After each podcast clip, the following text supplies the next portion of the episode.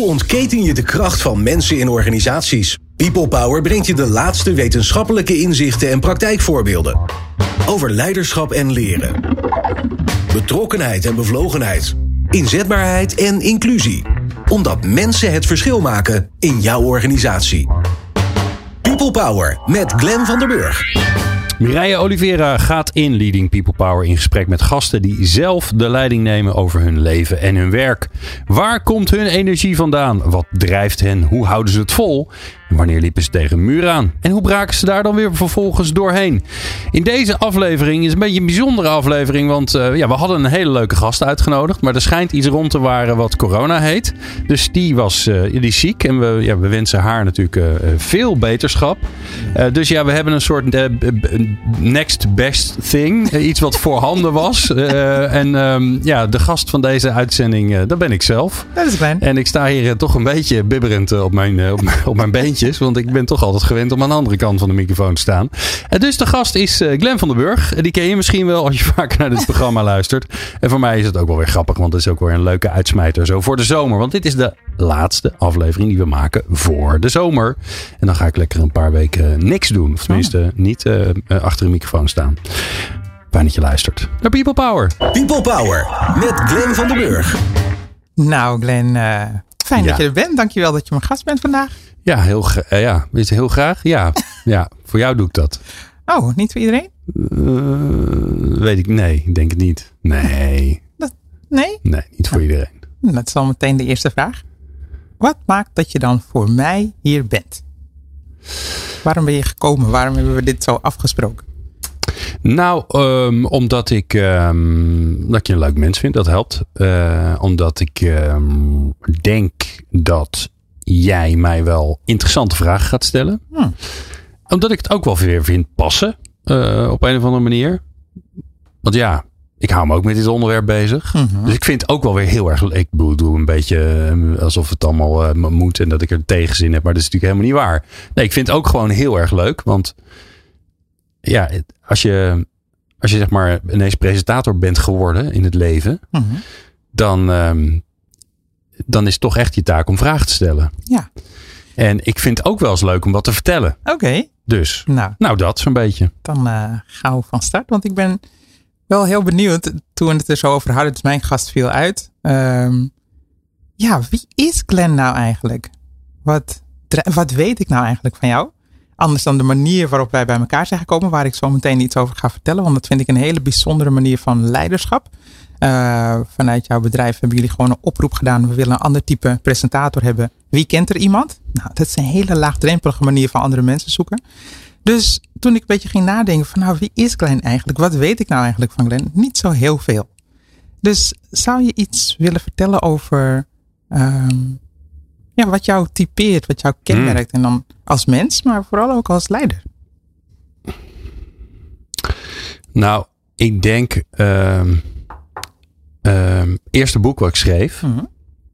boven het maaiveld, daar ben ik zelf een beetje het, uh, het leidend voorwerp. Dus ik, je gaat met mij mee op reis uh, vanaf het moment dat ik het niet meer wist. Oké. Okay. Uh, dus de, dat boek begint bij, ik zit op de bank en ik kijk de zevende aflevering Grey's Anatomy op een maandag terwijl ik heel veel werk te doen had. Ja, ja. En dat was in een tijd dat binge-watchen nog niet, nee, was, was nog, niet. toen was er nog, nog geen Netflix, zeg nee. maar. Dus ik moest er moeite voor doen.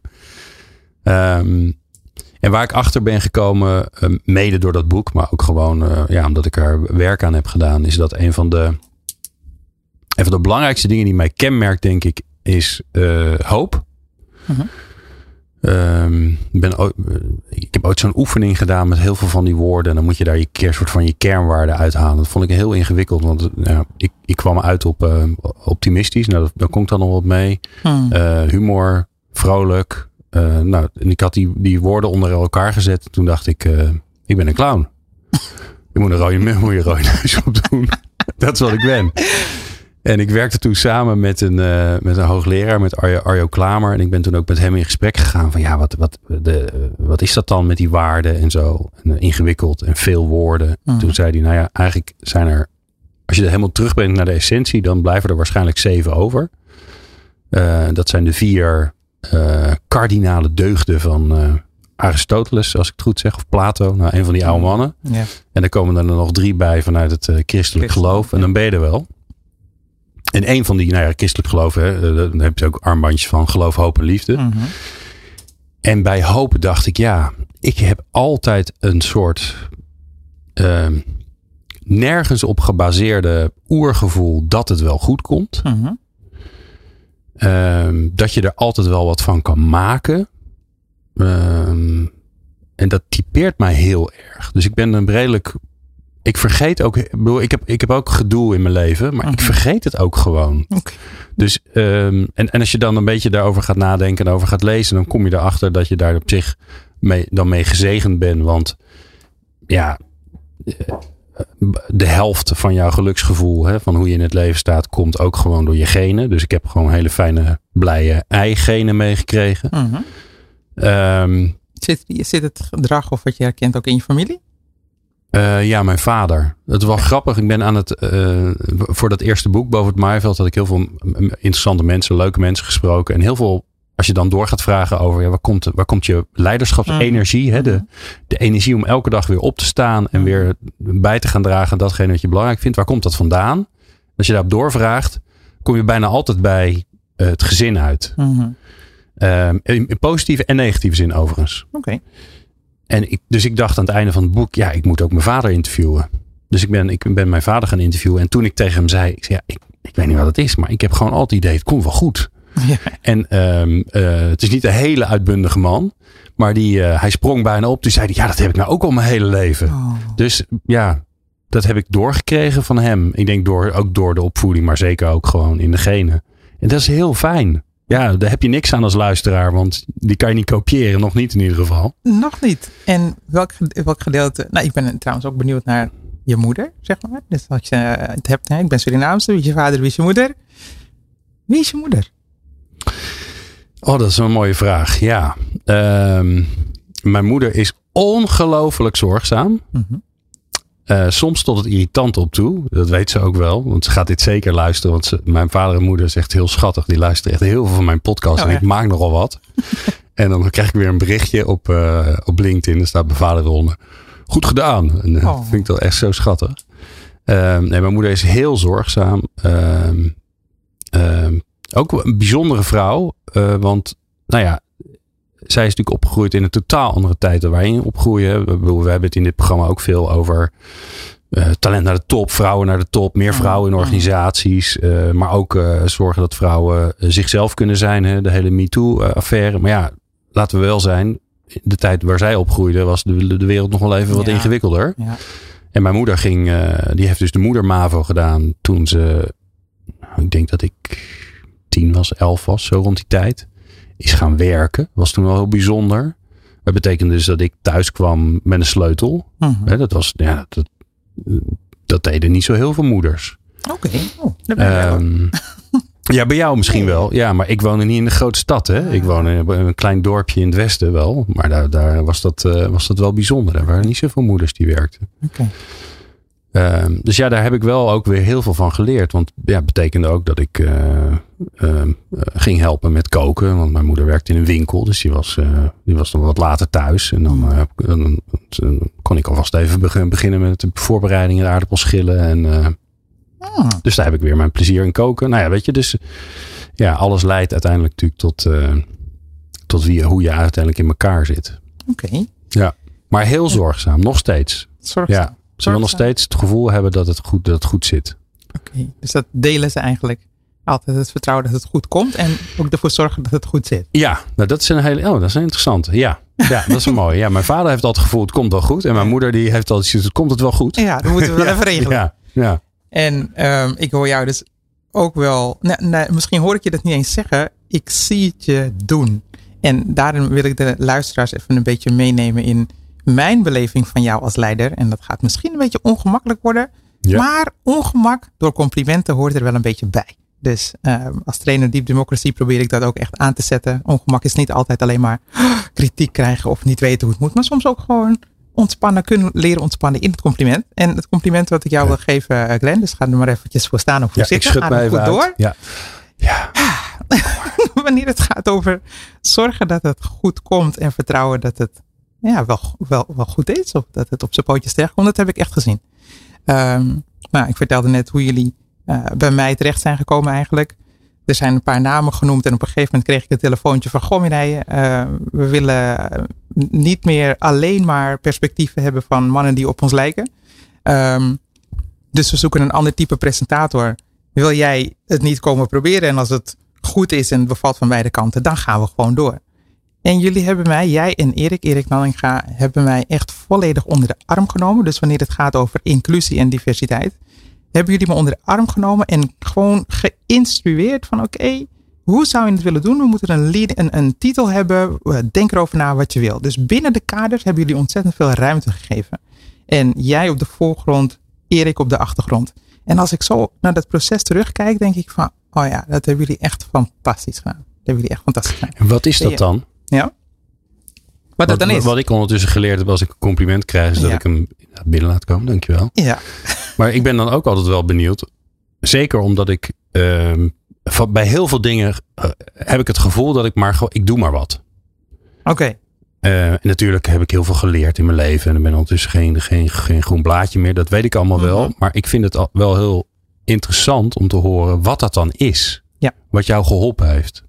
Ja, wat mij geholpen heeft. En ja, we hadden het er net al eventjes over.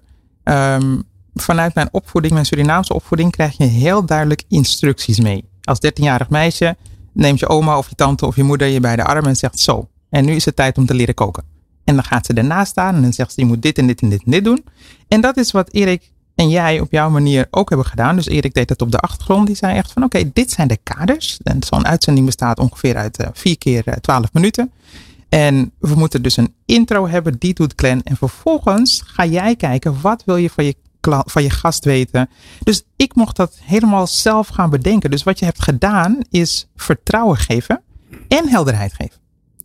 Dus uh, duidelijkheid door de kaders en daarbinnen ruimte laten.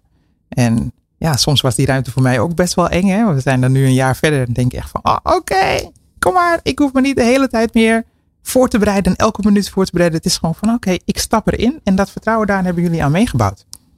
Dus Mooi. ja, vertrouwen geven en duidelijkheid geven. En dat is ook een van de belangrijke pijlers van leiders. Uh, leiders hè? Dus uh, ja. in leiderschap is het belangrijk dat je mensen weten waar ze aan toe zijn. Dus wat ze moeten doen. Um, en dat ze ook ondersteuning krijgen. Het grappige is, ik, ik, ik ben... Um, um, ik ben ook uh, leidinggevende geweest in mijn leven. En oh. ik ben erachter gekomen dat dat niet mijn, uh, dat dat niet, niet mijn, uh, mijn beroep is. Door schade en schande.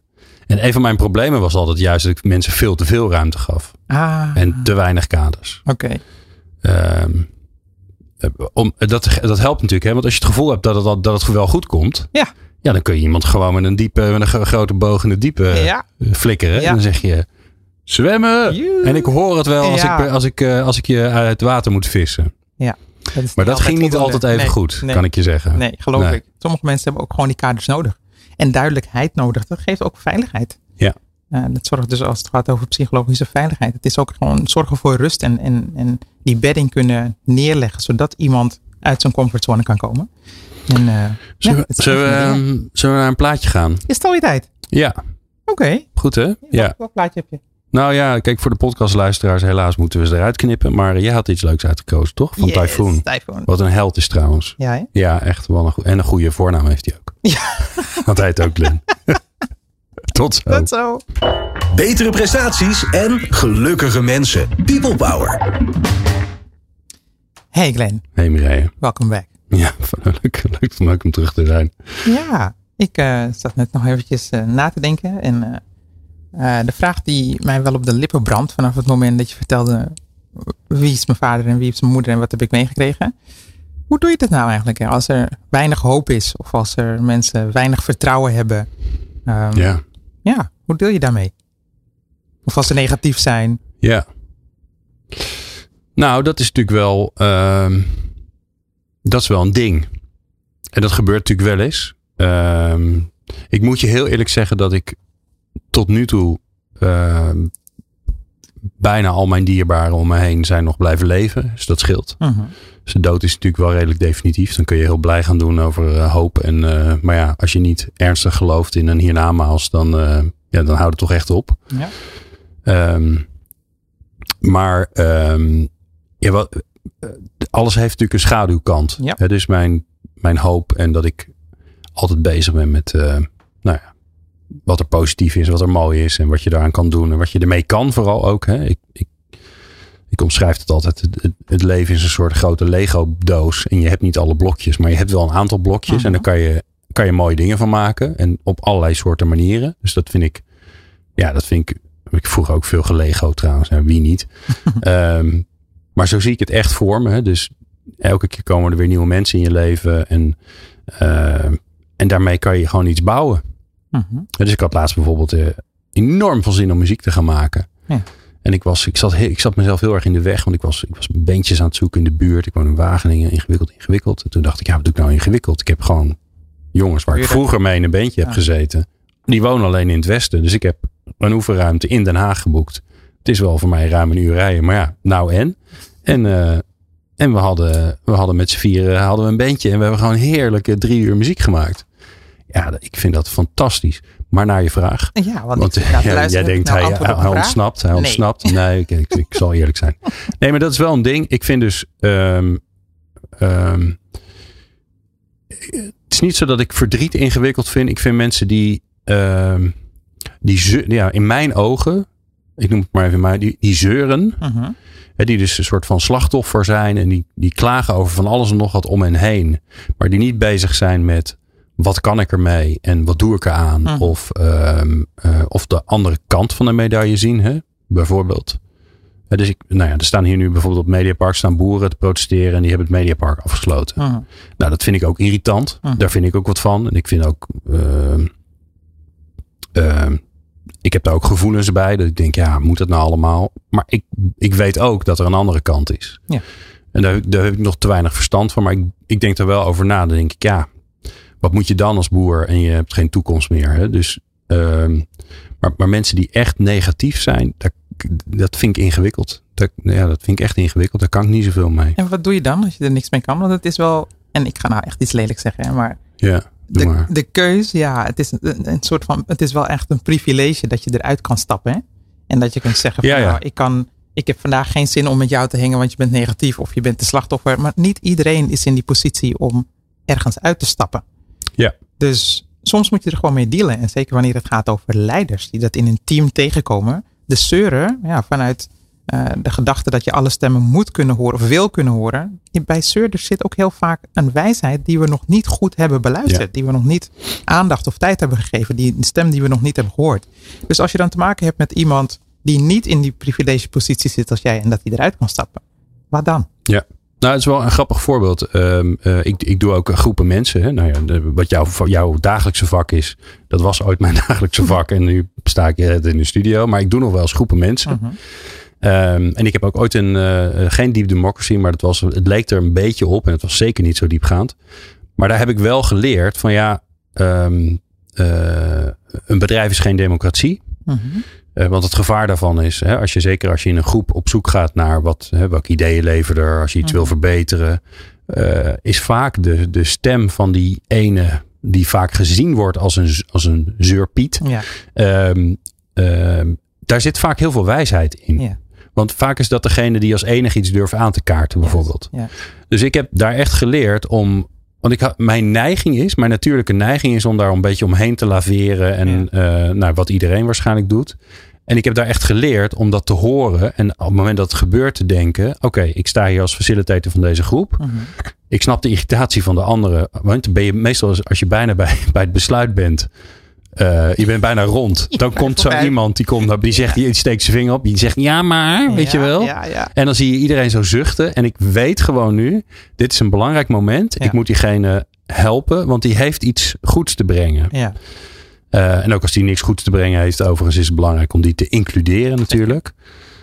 Maar het, kost me, het gaat me niet vanzelf af. Het is niet mijn natuurlijke houding. Nee. Dus het kost mij energie om dat te doen. Ik denk dat dat iedereen energie kost. Eh, we werken gewoon het makkelijkste samen met mensen die ons snappen en ons voelen en die het met ons eens zijn. Dus het zal iedereen energie kosten. En ik ben heel erg benieuwd, hoe doe je dat dan? Dus weten dat je er op getriggerd wordt, dat je er eigenlijk op afhaakt of Ja. denkt van, pff, oh, wat moet ik er nou mee? Hoe doe je dat? Wat doe je? Ehm, nou ja, als we zeg maar in de, in de workshop, uh, of Mhm. tenminste de, de bijeenkomstomgeving, eh, bouw ik het in. Oké, dus je bereidt je erop voor. Ja, dus ik bereid me erop voor, maar ik bouw het in in de werkvorm. Door gewoon te zeggen, oké, nou, je gaat op een gegeven moment ga je, ga je een beetje samen klonteren en dan heb je een paar ideeën en dan blijven er een paar over. Eh, maar dan bouw ik in dat je, ehm, eh, dat, we, dat, dat, ik, dat ik ook zeg, oké, nou, we hebben nu een soort van gestemd. Dit is dus wat het gemiddelde wil, maar het gemiddelde is niet het beste. Mhm.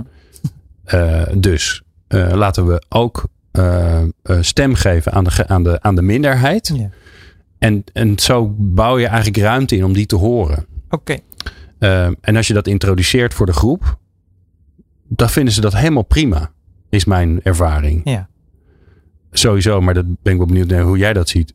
Het is ongelooflijk wat mensen allemaal prima vinden als je voor een groep staat. Ja. En je hebt bedacht wat je gaat doen die dag, toch? Ja, zeker. En, en ehm, absoluut. Dus die duidelijkheid hè, waar we het al over hadden, Ja. die is heel erg belangrijk aan het begin van zo'n sessie. Ehm, maar wat ook heel erg helpt, is je eigen integriteit daarin.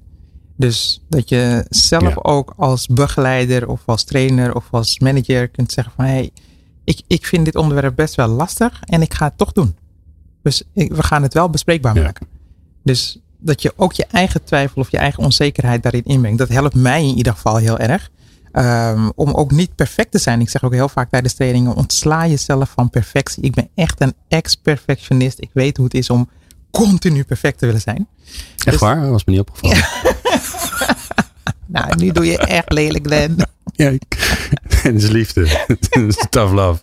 Nee, het is heel, natuurlijk heel grappig hoe, hoe wij... Nee, bedoel, het wordt natuurlijk toch, wordt nu toch een hele bijzondere aflevering. Het is wel heel bijzonder natuurlijk in de samenwerking. Ja, En wat jij zegt, ja, me enorm geholpen en begeleid. Ik heb je volgens mij vooral heel vaak verteld. Het komt wel goed. Je hoeft je niet zo hard voor te bereiden. Je hoeft niet alles te weten. Eh, Nee. Je moet gewoon luisteren en goede vragen. Dus volgens mij heb ik je vooral heel veel verteld wat je allemaal niet hoeft te doen. Ja, Dus heel veel aan jouw verwachtingen eigenlijk gewerkt. dat is zeker waar. En tot op zekere hoogte was ik dat met jou eens. Dus ik hoop dat de luisteraars dit stukje ook begrijpen of snappen.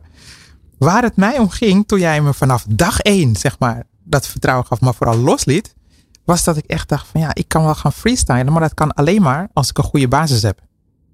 En je hebt dus Hm. eerst een goede basis nodig voordat je kan gaan freestylen. En nu zit ik in de fase van freestylen, maar daarvoor had ik echt wel die duidelijkheid nodig.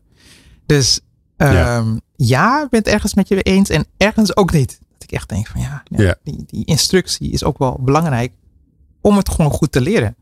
Dus dat doe ik in trainingen soms ook. Zeg, hey, ik vind het hartstikke cre- creatief zoals je nu dat besluitvormingsproces oppakt. Maar dat mag je doen als je het helemaal kent. Voor nu ga ik je de basis gewoon goed aanleren. Ja, ja grappig ja. Ja, ja dat, dat als het, hoe, hoe, hoe gemakkelijker het eruit ziet, hoe meer, Ja, hoe meer werk erin zit. hoe meer werk erin zit. Hè? Ja. Ja. Zeker. Waar waren we gebleven? Ja. En jij eh, hebt de leiding over het gesprek, dus ik hoef dat niet meer Nee, te hoeft bedenken. ik had een, eh, eh, een paar maanden terug van jou een, eh, een boek gekregen. En ik, ik, in deze uitzending dacht ik van, oh ja, hoe heeft het leiderschap van Glenn eruit gezien? Van Glenn in combinatie met Erik als oprichter van People Power, met jullie visie. En wat ik heel mooi vond, is dat ik ehm, de ruimte kreeg binnen jullie bestaande concept om er een andere draai aan te geven. Dus als het gaat over leiderschap, is het van oké, we hebben iets wat werkt. En wat, hoe kunnen we vernieuwen? Hoe kunnen we eh, een aanpassing maken aan deze tijd? En zeker wanneer het gaat over inclusie, diversiteit, twee collectieve en grote begrippen waar heel veel mensen al meteen op, afhaken. Is het zo, hebben jullie dat zo tastbaar gemaakt, zo klein gemaakt door gewoon te vragen: wat heb je nodig? Dit is de basis. Wat heb je nodig? Wat kun je toevoegen? Hoe kun je ons helpen vernieuwen? En ehm, ik kreeg van jou toen ook een boek. Ja, En dat boek Hoe werkt de mens? ja. En daarin. Klein vraagje. Wat zeg je? Klein Een vraagje. klein, een klein vraagje. En ik heb dat boek eens doorgebladerd en ik zag een heleboel eh, eh, acties en gedachten. En eh, je hebt het geschreven met Rick van Baren, professor. Ik was wel heel benieuwd van, ben je ervan bewust hoeveel, of je dingen hebt toegepast bij mij, zoals je mij hebt ingewerkt of in je dagelijks leven, wat je ook hebt opgeschreven. Want soms, people don't walk the talk. Ja, oh ja. Ja, ja. Dus is het, Ja. hoe, hoe, hoe ging dat in zijn werk? Waarom wil je dat boek schrijven? Wat zie je terug van je eigen leiderschap? van Wat je hebt opgeschreven in het boek? Welke vraag wil je antwoord op? Allemaal. Het is belangrijke lessen. Altijd één vraag stellen. Eén vraag stellen. want je krijgt antwoord op het laatste vraag. Want de rest kan ik allemaal niet onthouden. Oké, de vraag. Ehm, waarom heb ik het boek geschreven? Ja. Nou, ehm, de korte versie is. ehm, eh, toen ik erachter kwam dat ik dit een super interessant onderwerp vind. Hè, hoe bedrijven in elkaar zitten en hoe mensen daarin werken. En dat werk heel belangrijk voor mensen is. Maar dat we het niet zo inrichten dat dat eh, tot zijn recht komt. Hè. Mhm. Eh, simpel gezegd, we hebben hier mensen in de studio gehad die zeiden: werk is een medicijn. Tegen Mm. van alles en nog wat. Tegen eenzaamheid, tegen uitsluiting, tegen eh, hart- en vaatziekten. Het is een medicijn voor heel veel dingen. En toch organiseren we het op zo'n manier dat, dat er nog heel veel mensen ziek en verdrietig van worden. Dus dat is eigenlijk raar. Ehm, dus ik ben daar heel veel over gaan lezen. En dan eigenlijk peil je een soort van de ui af. Mhm. En eerst word je helemaal enthousiast over zelfsturing of over bedrijven waar geen managers meer zijn of eh, Scrum. En, nou, weet je, dan zit het heel erg in de meer zeg maar de, de verschijningsvorm van mensgericht organiseren. Dus hoe Mhm. ziet een organisatie eruit waar mensen centraal staan? En op een gegeven moment dacht ik van ja, als je dan doorleest en je gaat in alle, alle voetnoten kijken, dan ik kwam erbij alleen maar psychologie, psychologen en psychologische boeken uit. Mhm. Dan dacht ik, ja, moet dan, een, moet dan psychologie gaan studeren? Nou, ik ben niet zo'n wijze student, dus dat gaat hem niet worden. Ehm, en waar ik op uitkwam was, ik dacht, ja, als je, als je houvast wil in hoe je een organisatie moet vormgeven, dan begint het bij datgene wat onveranderlijk is. Mhm. En dat is de mens. Ehm, want de mens is een dier, dat vergeten we nog wel eens. En dieren evolueren heel langzaam. Ja. We, we, we, doen wel net alsof mensen enorm veranderd zijn in de afgelopen 100, 200 jaar. Maar dat Mhm. is natuurlijk gewoon niet zo. Mensen hebben nog steeds dezelfde oerdriften, Behoeften, dezelfde ja. behoeften. Dat is, daar is niks in veranderd en dat gaat ook niet veranderen. En toen dacht ik, ja, daar weet ik eigenlijk helemaal niks van. Ah, Dus ik ga, eh, dus ik ben, naar, ben toen naar Rick. eh, Rick was toen columnist eh, bij mij in het programma. En toen zei ik, Rick, ik ga een boek schrijven hoe mensen in elkaar zitten. En jij hebt daar verstand van. Dus en ik wil een soort van soort hand, handig boekje maken met psychologische principes van mensen. Oké. En toen zei hij, ja, dat is een goed idee. Er is maar één ding. Er bestaan geen psychologische principes. Eh, want als, dat, als er een principe zou zijn, is, dus stel je voor dat je ze- zegt autonomie is een psychologisch principe, Mhm. dan zou iedereen dus zo autonoom mogelijk willen zijn. Dan zouden we allemaal kluizenaar worden. Mm. En dat is dus niet zo. Dus er zijn altijd, alles is altijd op spanning met iets Ja. anders. En Ja. dat zijn die dichotomieën. Ik had nog nooit gehoord van dat woord. Ja. En nu zie ik het natuurlijk overal terug. Als Ja. je, maar, ehm, eh, maar dus twee uit twee, eigenlijk twee krachten waar, waarin wij continu balanceren. En je hebt er een paar geschreven in je boek. Ja, Weet je het nog? zeker. Ja, ja bewust, onbewust. Super interessant. Vond ik echt zo leerzaam. Ja, dat Als je nou, als je nou iets wil doen aan, je, aan jezelf beter snappen en, en hoe je werkt eh, verbeteren, dan moet je daar meer van afweten. Oké. Is- Het- Voor mij was het zo verhelderend. Ik heb zo lang achter computers gezeten en maar zitten knijen op teksten en weet ik veel wat allemaal. en ik doe dat niet meer. Dus wat ik nu doe als ik achter, een, achter mijn computer zit en er komt niks uit, dan weet ik, oké, mijn brein is nog niet klaar. Ah ja. Dus dan stel ik mezelf de vraag, wat wil ik eigenlijk in die, hè, stel ik een offerte moet maken of weet ik wat. Wat wil ik daar inschrijven? Mhm. En ga ik wat anders doen. Ah ja, ja, ja, ja. En ondertussen gaat het brein, nou ja, dan gaat het brein aan de slag in je achterhoofd, want daar gebeurt het. Ja. En dan ga je een paar uur later zitten en dan ben je een kwartier klaar. Ja. Het is briljant. En je kan tussen ook nog de afwasmachine uitruimen. Hey. Ben, je ook nog een betere, ben je ook nog een betere man?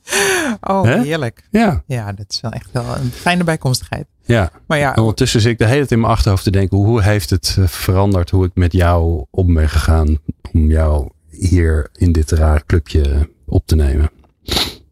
want het zijn, eh, dus de ene was bewust onbewust, hè? En jullie Ja. hebben dan bewust weliswaar een, een oproep gedaan. Ehm, maar ik ben, eh, je, ja, je hebt nog een paar andere dichotomieën, promotie versus preventie. En de derde was inclusie versus distinctie. Ja. En, en ja, vooral bij die derde heb ik zeg maar jullie proces gezien. Maar ik ben heel benieuwd of jullie, ja, wat je daar bewust in hebt gedaan, zeg maar. Nou, de, de, de oproep op LinkedIn, hè, waar jij het over had, die, eh, Ja. twee jaar geleden of zo, Ja, ik weet het twee niet jaar eens meer. Eh, die was natuurlijk heel bewust. Ehm, hè, er was iemand, dat is ook wel grappig hoe dat werkt. Hè? Ehm, thank God, eh, zeg ik ook maar, ook tegen, deze, tegen onze luisteraars, ehm, wordt er nu dan wat geroepen. En een van de dingen die, er, die een van onze luisteraars, ik moet even checken wie het geweest is, maar het zou best eh, Joy geweest kunnen zijn. Joy Lodermassen, denk ik. Hmm. Die zei, joh Glenn, jullie hebben het over diversiteit en inclusie. Maar het is wel erg wit bij jullie hè. Ehm, een paar jaar daarvoor heeft iemand dat ook gezegd over te veel man. Nou, dat hebben we toen ook gelijk ter harte genomen. En doen we, doen we ons best voor. Dat kan altijd beter overigens. Hmm. En toen dacht ik, ja, het is gewoon waar. Dit is gewoon waar. Hmm.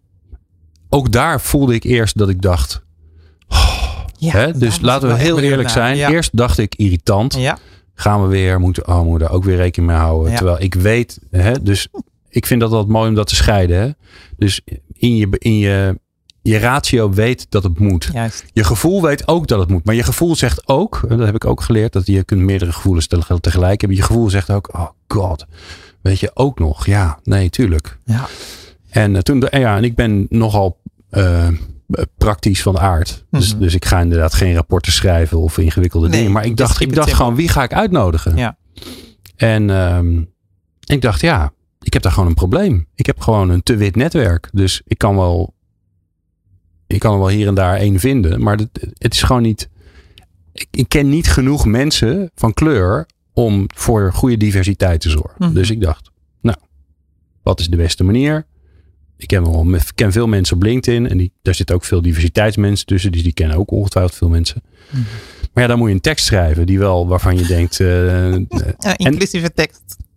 Nou ja, een eerlijke tekst. Ja. En een, maar wel ook een tekst. En, en dat merk ik zelf altijd wel als het over zeg maar, diversiteit en inclusie gaat. Ik word me dan wel bewust van wat ik ga zeggen. Mhm.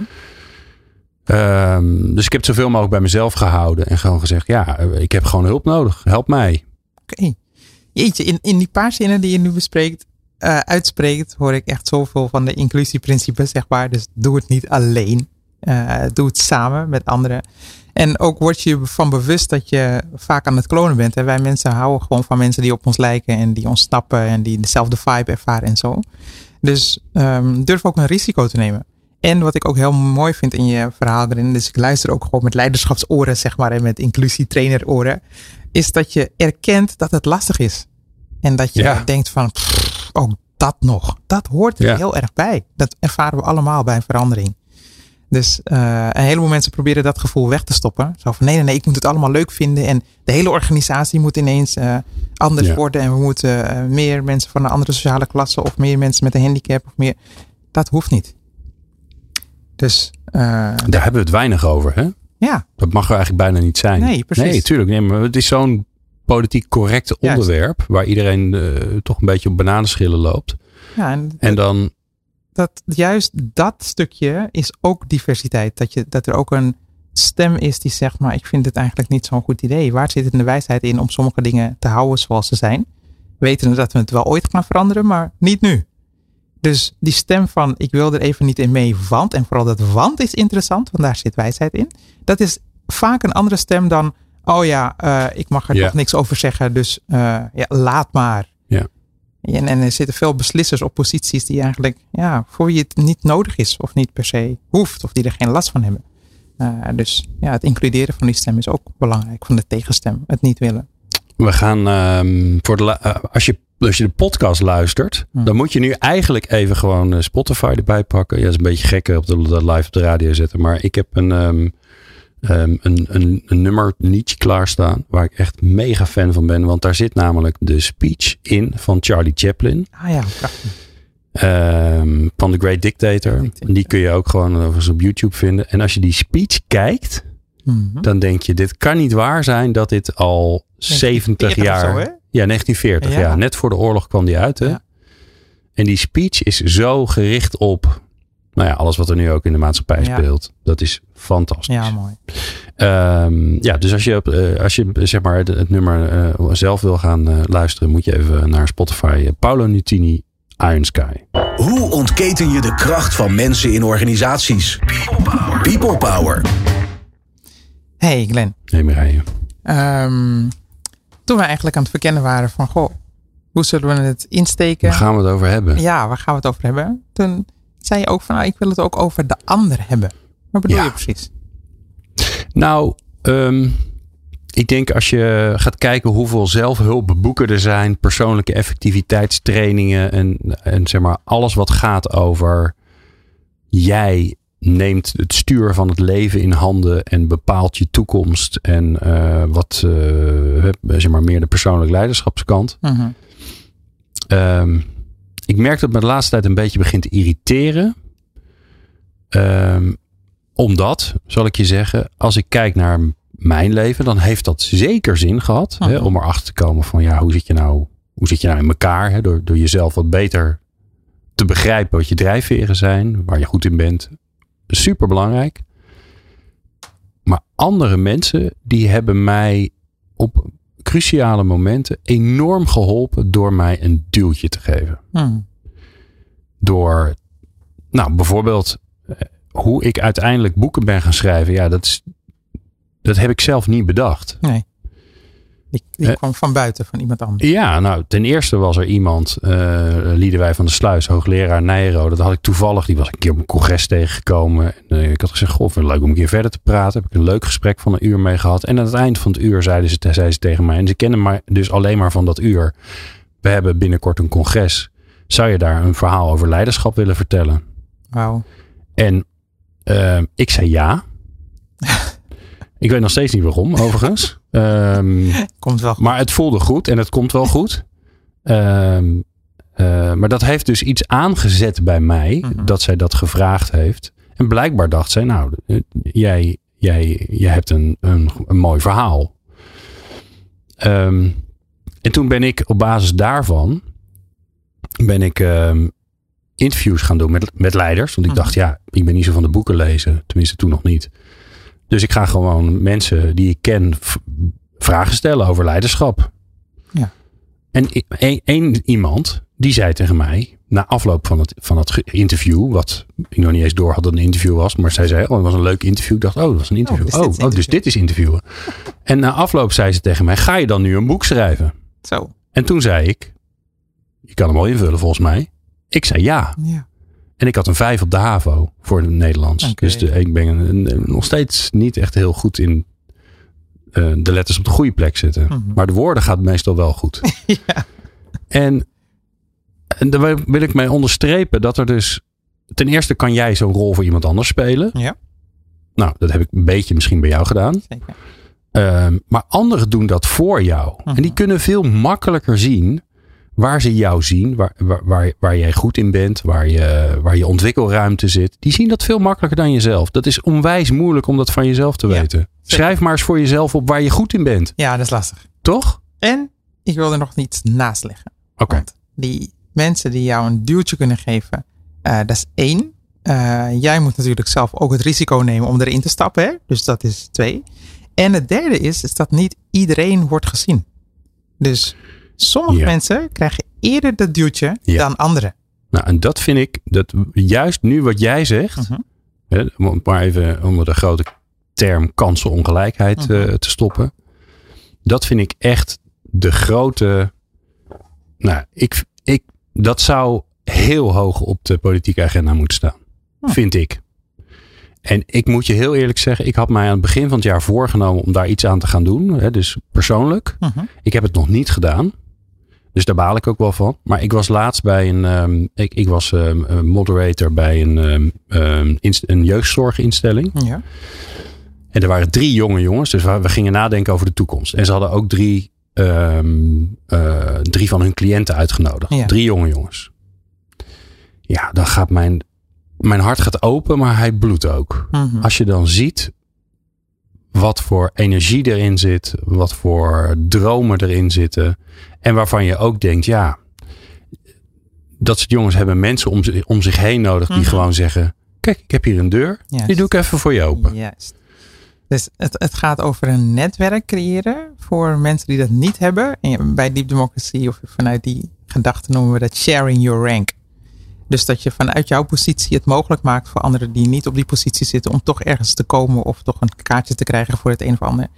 En ehm, wat daarin ook belangrijk is, is dat er ook eh, rolmodellen zijn. Dus voorbeelden. Sheila Zitalsing zei het echt heel mooi. Of Shaila, ik weet nooit precies hoe je de naam uitspreekt. Maar die eh, zei het heel mooi. Iedereen heeft een rolmodel nodig. ehm, die ja, daadwerkelijk je inspireert door er gewoon alleen maar te zijn. Ik, ik, ik dus niet alleen iets doen, maar soms ook er te zijn. Mhm. Ehm, En, en dat Laten zien dat het kan. Ja, dat het kan. Ik, Ja. ik krijg soms, ik ben een zwarte vrouw uit de Bijlmermeer. Dus wanneer het gaat over kansenongelijkheid. Nou, de meeste kinderen van mijn klas kregen een lager advies dan ze eigenlijk daadwerkelijk aankonden. Dat heeft te maken met beeldvorming, omdat er niet veel zwarte kinderen op het gymnasium zaten. Of veel onderwijzers of doktoren. Of, dus dat de rollen er moeten zijn, helpt ook in het eh, durven, eh, zelf durven openen van die deur. Of ja durven zeggen daartegen. Ja. Dus ehm, ja, ik denk dat je het ergens wel gedaan hebt. Maar misschien is dat het onbewuste wat in je boek staat. Dat je dat zelf wel gedaan hebt. Maar het is wel heel mooi om te horen dat je er meer Ja. van wil. Ja, zeker. Ja. ja. Dus als je dit hoort en je denkt, hé, hey, ik kan je hulp wel gebruiken, dan laat me weten. Hè? Dus ik ben ook natuurlijk, want ik ben ook lui. Ik doe ook liever, ik, ik werk liever niet, niet al te hard. Eh, dus als het, als het op je afkomt, dan uh, dat, dat scheelt ook weer. Ja. Uh, dus ik help graag. Dat is eigenlijk mijn, mijn handreiking. Maar een van de, van de jongens die ik ontmoette, daar, daar kon ik wel wat mee. Dus die gaat binnenkort een dagje met me mee. Oh, wauw. Ja. ja, dat is wel heel leuk. Dus, we zijn er bijna. Nee. Jawel joh. Echt? Ja, serieus. Je mag nog één vraag stellen en dan geef ik kort antwoord, kan ik je zeggen. Oké. Okay. Als we. kort, kort antwoord. Oké, oké, oké. Ehm, Want je zegt het moet hoog op de politieke agenda. Ja. Wat is eigenlijk je oproep aan mensen die niet in de politiek zitten voordat we het op die agenda krijgen? Want het is gewoon best wel ver. Wat Ja. kunnen we gewoon zelf doen in het klein? Ja, zorg dat je, dat je dichterbij komt. Want dat is natuurlijk het probleem. Dat is eigenlijk, nou ja, Waarbij? nou, dat je dichterbij uh, mensen die, kansen, uh, die weinig kansen hebben, dat je daar dichterbij komt. Want waarschijnlijk als je in je eigen omgeving kijkt en je, je bent zelf uh, redelijk kansrijk geweest, Mhm. dan zijn er niet zoveel mensen om je heen die niet zoveel kansen hebben. Mhm. Eh, Zit dus in dan- bubbels, hè? Ja, je zit gewoon in je bubbel. En dat geldt voor mij natuurlijk net zo goed. Ja, ja. Hè, dus ik weet dat bijvoorbeeld eh Jink heb je. Mhm. Dat is een hele mooie organisatie. Die, eh, die zit helemaal op dit onderwerp. En die, die verbinden eh, zeg maar bedrijfsleven, eh, mensen uit organisaties met, met jongeren als een soort mentor-coach. Twee kanten op overigens. Heel interessant. Ehm, maar ja, je kan ook gewoon, je kan ook gewoon een school binnenlopen ergens. Zelf moeite doen. Ja, En uit de comfortzone komen dus ook. Ja. Ja. ja. Ja, de deur openzetten. En, en inderdaad accepteren en zeggen: ja, ik, ik zit in mijn bubbel. Ja. En, eh, en ik wil dat die bubbel groter wordt. Oké. Nou, mooi. En, Met alle ongemak van dien. ja, zeker. Heb, heb ik nog een laatste? Ja, doe je ding. Heel even. Ja. Ik hoor je echt in die laatste zin ook nog zeggen van beide kanten trouwens. Dat heeft ook te maken met beeldvorming. Hè? Dus eh, het idee dat mentoring alleen maar kan zijn vanuit de eh, welbespraakte, ervaren, misschien witte begeleider naar de mensen eh, die er anders uitzien of een andere achtergrond hebben. Maar er zit andere ervaring aan de andere kant die jij misschien niet hebt. Zeker. En, en dat je dus ook van elkaar kan leren. En dat heeft ook te maken met daarin een role model durven, zijn. Dus dat zo'n, of een jongere of een, eh, een gehandicapt of zo. Dat, of een, een- iemand van, met een andere religie. Dat die ook jouw mentor kan zijn. En daarin het voorbeeld kan zijn voor een ander. Nee, je op kan een andere manier kijken. Ja, absoluut. Nee, je kan leren wat er in die andere bubbel plaatsvindt. Ja. En dan wordt je eigen bubbel echt groter. In plaats van dat je alleen maar zegt: ja, nee, ik ben, eh, ben die jongen aan het helpen. Ja, nee. Beide bubbels, Kijk eens hoe goed ik ben. Hè? Beide bubbels worden groter. Ja. Ja. Totdat het één bubbel is. Ah, nou, Toch? ideaal. En dan wordt het één grote pinica-oase. Ja, dat is toch een, een droom voor de toekomst. ja. Uiteindelijk Dankjewel, komt het hè. allemaal goed. Ja. ja. Ja. Thank you so much, Glenn. Jij dank. Vond het bijzonder leuk, eh, Mireille. Dankjewel. Ja, graag gedaan. En jij bedankt voor het luisteren. Vind je niet? Toch? Want daar doen we het om. We doen het ook een beetje ja. voor onszelf. Maar we doen het ook voor jou als luisteraar natuurlijk. Eh, wij gaan met eh zomerreces. Maar mocht je alle 479 andere afleveringen nog niet geluisterd hebben. Dan heb je nog even wat te doen. Je vindt ze allemaal op onze website. En natuurlijk ehm, op alle podcastkanalen. Waarvan het overigens helpt, eh, als je dit een leuke show vindt, om daar ehm, eh, sterretjes te geven of een duimpje of een volg of, eh, of misschien zelfs wel een review achter te laten. Dat helpt ons weer om ervoor te zorgen dat er weer meer mensen gaan luisteren en dat alles weer, alle organisaties langzaamaan een beetje mensgerichter worden. Eh dankjewel. Ik heb weer met een bijzonder plezier eh, een half jaar People Power gemaakt. Even zomerreces, even in de hangmat liggen en dan gaan we na de zomer weer verder. Doei! Doei doei. Meer afleveringen vind je op peoplepower.radio en jouw favoriete podcast app.